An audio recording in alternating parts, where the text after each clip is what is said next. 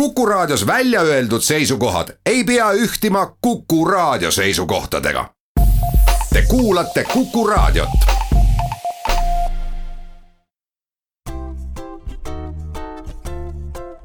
patsiendiminutid, Patsiendiminutid toob teieni Eesti Patsientide Liit tere, hea Kuku kuulaja! mina olen Kadri Tammepuu ja meie tänane saade läheb taas koroonaviiruse karantiinis eetrisse telefoni intervjuuna. me räägime südamehaigustest ja koroonaviirushaiguse Covid-19 seostest ja mida peaksid südamehaiged teadma ning tähele panema meil on liinil südamearst ja Põhja-Eesti Regionaalhaigla Südamekeskuse teadusjuht Margus Viigimaa, tervist! tervist! Kuidas äh, ühe südamearsti igapäevatöö on muutunud nüüd, kui haiglates on plaaniline töö peatatud? no hästi palju on muutunud ja teeme hästi palju nüüd äh, telefonivisiite, Skype'iga visiite. eks patsiendid muidugi pöörduvad väga erinevate küsimustega ja väga suur selline laine oli mõnede ravimite nagu AK-inhibiitorite ja ARB-id ja need on väga laialdaselt kasutatavad ravimid. Nende kohta tulnud selline teoreetiline arutlus, et need ravimid võiksid Covid-19 viirusesse haigestumust äh, nagu, nagu suurendada ja samuti tüsistusi tekitada. tegelikult on äh, praktiliselt kõik autoriteetsed erialaorganisatsioonid öelnud, et, et muretsemiseks põhjust ei ole ja just kroonilised südamehaiged ju tegelikult äh, peaksid kindlasti oma tavapärast raviskeemi jätkama, sest, sest nende oht vastasel juhul on veelgi suurem mis need AKE inhibiitorid ja ARBid siis täpsemalt on, et, et kas see on mingisugused ravimgrupid? Need on sellised äh, väga laialdaselt kasutatavad äh, ravimigrupid, noh, enalapriil näiteks on võib-olla üks vanematest, ramipriil, kandesartaan, äh, olmesartaan, nii-öelda sartaanid on ühed preparaadid ja siis priilid on siis nagu nimetusega teised, et neid ravimeid mitusada tuhat Eesti inimest igapäevaselt kasutab. Ja nad on väga hästi ravimuuringutes ja igapäevases kliinilises praktikas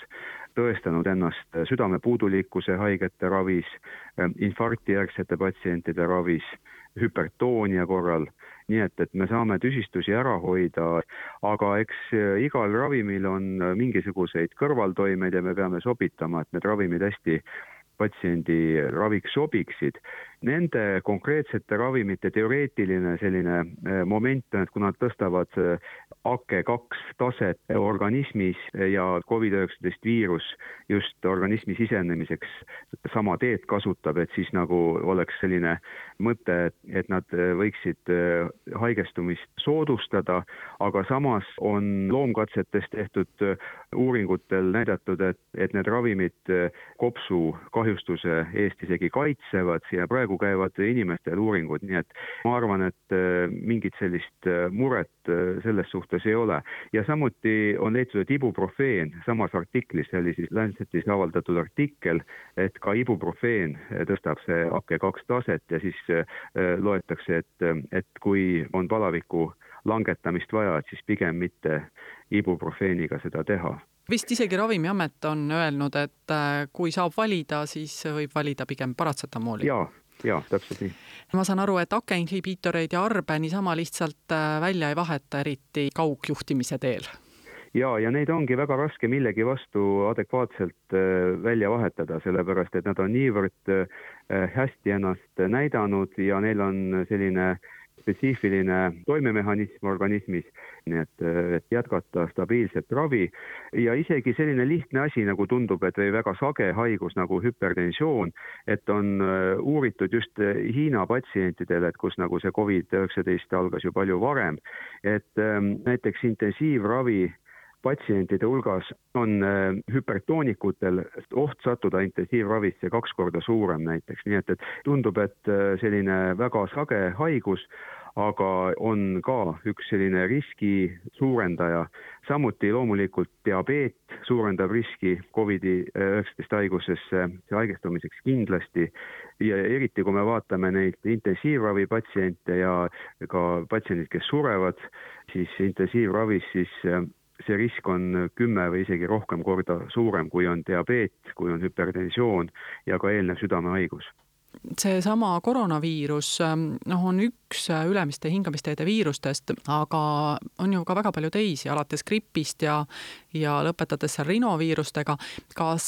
nende puhul ei ole olnud kunagi küsimuse all, et needsamad hakkeinhibiitorid või arbid ei sobi või on need toimeteed, kuidas viirus organismi kahjustab, kuidagi täitsa teistsugused? Ei, tegelikult on need ka sarnased, aga seda lihtsalt pole, pole eelnevalt käsitletud, aga kui me vaatame, ega ka noh, sesoonne gripp, kui me vaatame tüsistusi, siis äh, on, on ka ju eelnevatel aastatel olnud patsiente, kes, kes on lõpuks siis saanud bakteriaalse kopsupõletiku, vajavad ventilaatori toetust, eks ole, neerupuudulikkus tekib ja nii edasi. nii et, et ega see ei ole selles mõttes nagu väga uudne, aga lihtsalt neid tüsistusi on Covid-19-ga oluliselt, oluliselt rohkem. ja kui me vaatame südame ja veresoonte aspektist, et enamus, kogu see tähelepanu on kopsupõletikul ja see ongi kõige sellisem ohtlikum ja, ja otsustavam, aga need patsiendid ikkagi eh, saavad ka südamelihase kahjustuse. et on leitud, et, et kui me vaatame väga täpselt markeritega, nagu näiteks troponiin ja praegu on tulnud päris palju teadusartiklit selle kohta, et, et kusagil eh, seitse-kaheksa protsenti koroonaviirusega patsientidest on südamekahjustuse markerid veres tõusnud nii et see on, see on päris palju ja võib isegi südamepuudulikkus süveneda päris äh, raskele tasemele ja südamelihase põletik võib tekkida. kogu see, see südamekahjustuse aluseks ongi põletik ja samuti ohtlike rütmihäirete teke ja isegi südamelihase infarkti riski tõus. ja ma selle südamelihase infarkti suhtes ka tahaks äh, südamele panna seda, et kui me vaatame praegu statistikat Euroopas ja selle kohta tuli eile just äh, avaldus ka Euroopa Kardioloogide Seltsi presidendilt, professor Barbara Cassadeilt, et ähm, osades riikides on oluliselt langenud ägedate koronaarsündroomiga patsientide hospitaliseerimine, mis tähendab, et haiglad kardavad, on kodus, ei tule haiglasse. et kui äge infarkt on enam-vähem jäänud samale tasemele, siis sellised infarktieelsed seisundid kus on päris eh, nii-öelda suur oht, et võib tekkida eh, südamelihase, suure hulga südamelihase kahjustus ja, ja funktsioonihäire et patsiendid äh, on kodus, neil on küll võib-olla pingutusel äh, valu või selline ängistustunne, pigistustunne rindkeres, aga nad lükkavad ikkagi, et noh, et ma veel täna ei lähe, ma lähen homme või ülehomme, aga sellega võib tekkida ikkagi väga suur südamekahjustus. nii et äh, tegelikult erakorraline abi kardioloogias on, on kättesaadav, meil on sama aparatuur õppinud spetsialistid, et selles mõttes, et see, et meie polikliinikus praegu plaanilisi vastuvõtte oleme oluliselt vähendanud ja, ja selliseid nagu kontaktvastuvõtte üldse ei tee, et see ei tähenda, et äh, erakorraline kardioloogiline abi kuidagi oleks nagu, nagu piiratud no samas jällegi on inimesel mõnikord raske aru saada, et äh, millal see olukord on ohtlik, sellepärast et äh, tõepoolest öeldakse, et ärge mingil juhul praegu EMO-sse tulge, ärge kiirabi tülitage, kõigil on niigi tööd palju. jaa, see on õige ja üldiselt äh, need sümptoomid on tavaliselt inimestel teada, aga nad võivad vahel olla sellised äh, varjatud ja, ja mitte nii tüüpilised, eriti naistel muide. aga meestel äh, ikkagi, kui on tekkinud koormusel või, või närveerimisel selline tükitunne, mis, mis, mis läheb ise ära, et see on ikkagi selline väga alarmeeriv. Ja muidugi noh, apteekides on olemas nitrolütseriinid, mis äh, on mõeldudki sellistele haigetele ja kui nitrolütseriin peaks veel seda valu leevendama, siis on see noh, ilmselge, et, et seal on üks äh, või mitu südamearterit ikkagi oluliselt ahenenud, üheksakümmend protsenti või rohkem. Ja see on äh, noh, viimane aeg on teha seal äh, vahele segamine ja on võimalik panna siis tendid, äh, on võimalik laiendada südame pargartereid ja, ja sellega tegelikult infarkt ära hoida. tüüpiline juht on see, et kui inimene hommikul näiteks hakkab liikuma, siis ta vot ei saa nagu liikuma, et ta eriti külma õhu sissehingamisel tekib ähm, selline ängistus või selline äh, ebameeldiv tunne, aga ta seisatab, see läheb mööda ja päeva peale nagu polegi midagi viga. et need tegelikult ei ole sellised äh, ohutud aistingud, vaid tegelikult nad viitavad väga raske haiguse sellisele kaugele arenenud faasile juba hästi, aga läheme siit korraks pausile, mõne minuti pärast oleme tagasi, nii et jääge kuuldele. patsiendiminutid. patsiendiminutid toob teieni Eesti Patsientide Liit mina olen Kadri Tammepuu ja meie tänane saatekülaline, doktor Margus Viigimaa on äh, telefonil. me räägime täna südamehaiguste ja koroonaviirushaiguse Covid-19 seostest südamehaiguste ja vaimse tervise vahel on samuti tugevad seosed, et äh, lihtlabane ärevus lööb ka ju vererõhu lakke, et kuidas nüüd aru saada, et äh, on tõsisem probleem, mitte ei ole lihtsalt vaja maha rahuneda jah, muidugi, eks inimese organism ju äh, ongi igapäevases elus äh, allutatud sellistele stressidele ja loomulikult, et vai-, vaimse ülepingega tekivad äh, vererõhu tõusud ja võivad tekkida ka südamerütmihäired. aga üldiselt üks selline väga alarmeeriv sümptoom on see, et kui, kui enne pole midagi olnud ja nüüd on tekkinud selline sümptomaatika et vererõhuhaiged tavaliselt juba teavad oma sümptoome, see haigus kulgeb ikkagi aastate ja aastakümnete kaupa ja, ja neil on omad ravimid selle jaoks, aga, aga just selline koormustaluvuse langus või see, et, et ikkagi just selline tuim või selline hirmutav või tükitunne, et see on see niisugune tüüpiline südameinfarkti eelne tunnus. Ja kui rääkida patsientidega, kes on infarktiga siis haiglas, noh, üksikuid on need, kelle see tabab täiesti nagu välk selgest taevast, aga sageli sellele eelneb selline mitmekuuline ja vahel isegi pooleaastane. Ja isegi on olnud juhuseid, kus patsient tõesti käibki arsti juures, arstid teevad EKG, EKG on korras, et oh, ei ole midagi nagu ei oska, ei oska seda eh, haigust ära tunda. et lihtsalt me peame paremini seda haigust eh, ära tundma, eriti selles Covid-19 eh, situatsioonis, kus ilmaasjata ei ole mõtet EMO-sse tulla, aga me ei tohi ka liiga hiljaks seda jätta, et siis on juba tulek kiirabiga ja siis on juba infarkt käes no kuidas siis ikkagi arstile selgeks teha, et kui arst su minema saadab, et et ma ei ole sellega rahul või mulle teeb ikkagi mu süda muret? Nojah, ma olen neid patsiente päris äh, palju nüüd äh, konsulteerisin just eile ühte sellist patsienti, kes kes nüüd märtsikuus just äh, oli infarktiga ja, ja kes oli tegelikult eelnevalt pöördunud ja ähm, teatud juhtudel äh, tuleb lihtsalt olla järjekindel, aga enamus juhte on ikkagi sellised, kus äh, arsti juurde ei jõuta, vaid patsient tunneb, et ega mul ikka nii halb ka ei ole ja midagi imelikku siin on, aga et noh, lükkab edasi, et peaks nagu hiljem, hiljem tulema. et, et see on jah niisugune ohtlik kas on ka teada, et äh, päris terve südamega inimesed on saanud äh, Covid-19 põdedes äh, südamekahjustuse või mingi südamehaiguse? Ehm, loomulikult see südamehaigus lihtsalt natukene seda ohtu suurendab ja, ja muidugi sellist tõsist tüsistuste teket, kui neid patsiente vaadata, siis nende hulgas on, on südamehaigeid hästi palju ja üle kuuekümne aastaste hulgas eriti. aga kui me vaatame inimesed, kes on kergemalt põdenud ka eh, siis koroonaviiruse eh, läbi, et nende selline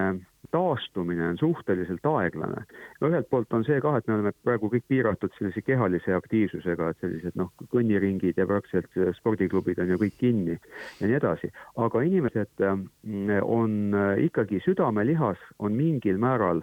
põletikuliselt saanud kahjustada ja, ja selle tõttu see taastumine on oluliselt pikem kui ühe tavalise viirusinfektsiooni järgselt ma olen näinud tavaliselt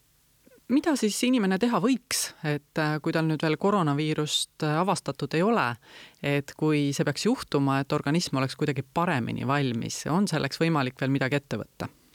No vot, tervisevaru on selline asi, mida on alati võimalik suurendada, nii et, et see on meil kõigil olemas ja tuleb äh, regulaarselt ja, ja tervislikult toituda, muide mitmed erialaorganisatsioonid on teinud äh, üleskutsed, et tegelikult äh, selles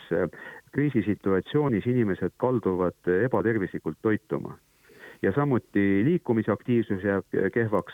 ja suitsetatakse rohkem, kes suitsetavad, nii et ühesõnaga, et kõik need tervisesoovitused, mis, mis alati on olnud, et neid võiks sellel perioodil nagu eriti jälgida. Ja no loomulikult vitamiinid, D-vitamiin, mis on meie nii-öelda laiuskraadil madal inimestel üldiselt, C-vitamiini suuremas doosis kasutamine ka küüslauk, ka tsink, seleen, sellega me saame mingil määral ikkagi organismi sellist vastupanuvõimet ja immuunsüsteemi turgutada ja, ja hoida seda viirust eemal. Nii et see soovitus, et püsi kodus, ei tähenda mitte seda, et ära sa jumala eest välja jalutama mine jah, see kodus püsimine tegelikult äh, aitab kindlasti ja, ja me juba praegu näeme, et, et Eestis see olukord on ju tegelikult äh, normaliseerumas selles mõttes, et ta võib-olla läheb veel nädalakese kehvemaks, aga siis läheb see paremaks, aga kodus püsimine ei tähenda, et see peaks olema siis voodirežiim, vaid äh, just nimelt tuleb olla kehaliselt aktiivne. Ma lugesin, et, et näiteks Pariisis siis keelati tervisejooks päevasel ajal ära et noh, meil ikkagi inimesed kõnnivad ju väga palju ja on võimalik kodus teha kõikvõimalikke harjutusi, ka isegi oma keharaskust kasutades, isegi hantleid ei ole vaja. Nii et kõik on tahtmises kinni ja me peame säilitama sellise noh, igapäevase kehalise aktiivsuse, et see on, see on vajalik südamele, veresoontele ja see on tegelikult vajalik ka vaimsele tervisele. Kui vaadata inimesi, siis selline ärevus on tegelikult päris suur ühiskonnas ja inimeste depressiooni kaldumine ja, ja mure ja kõik selline asi süveneb veelgi, kui, kui kehaline aktiivsus langeb kui me veel lõpetuseks proovime kokku võtta, et kui inimesel nüüd tõesti ongi koroonaviirus haigus ja, ja ta tunneb, et no midagi väga hullu ei ole, aga no võib-olla on vererõhk tõusnud või südameles on rütmihäired. mis siis teha, esimene asi siis ikkagi vist helistada perearstile? jah, sest eh, ega, ega ju nagu me teame, spetsiifilist ravi ei ole, otsitakse erinevaid ravivariante aga enamus inimesi ju põeb viiruse suhteliselt ikkagi leebelt läbi, ta on küll natukene tühilikum, natukene ebamugavam, nii palju kui noh, patsientidega rääkida, kui selline tavaline viirusinfektsioon, aga osadel juhtudel tõesti tekib selline oluline hingamispuudulikkus ja ei tohi seda hetke muidugi maha magada, et, et noh, see enesetunne on nagu näiliselt hea, aga, aga jõudlus läheb väga madalaks ja kui on kõrge palavik ja hingamisraskused ja nii edasi, et eriti mehed, eriti üle kuuekümne aastased. teisel juhul see viirus saab lihtsalt ära põetud, tekib selle vastu siis immuunsus, noh, loodame, et see on püsiv immuunsus et, et ega seal nüüd nii, nii hullu ei olegi, aga tõesti, et kuna nende suurte hulkade haigete seas on ikkagi ka päris selliseid keskealisi ja isegi noori patsiente, kes on ikkagi väga raskes seisus ja vajavad intensiivravi ja me näeme, et intensiivravi vajajate arv Eestis praegu veel tõuseb ja, ja need võimalused on meil ka loodud ja on olemas kõik kenasti, spetsiaalsed Covidi osakonnad tehtud. aga et võimalikult vältida seda väga rasket äh, haiguse kulgu, et selleks me töötame iga päev. no selge, suur aitäh, südamearst ja Põhja-Eesti Regionaalhaigla Südamekeskuse teadusjuht Margus Viigimaa, et te täna oma teadmisi meiega jagasite ja soovin teile jõudu! tervist kõigile! aitäh ja täname ka kõiki kuulajaid, saadet juhtis Kadri Tammepuu, oleme taas eetris nädala pärast ja seniks olgem terved patsiendiminutid. patsiendiminutid toob teieni Eesti Patsientide Liit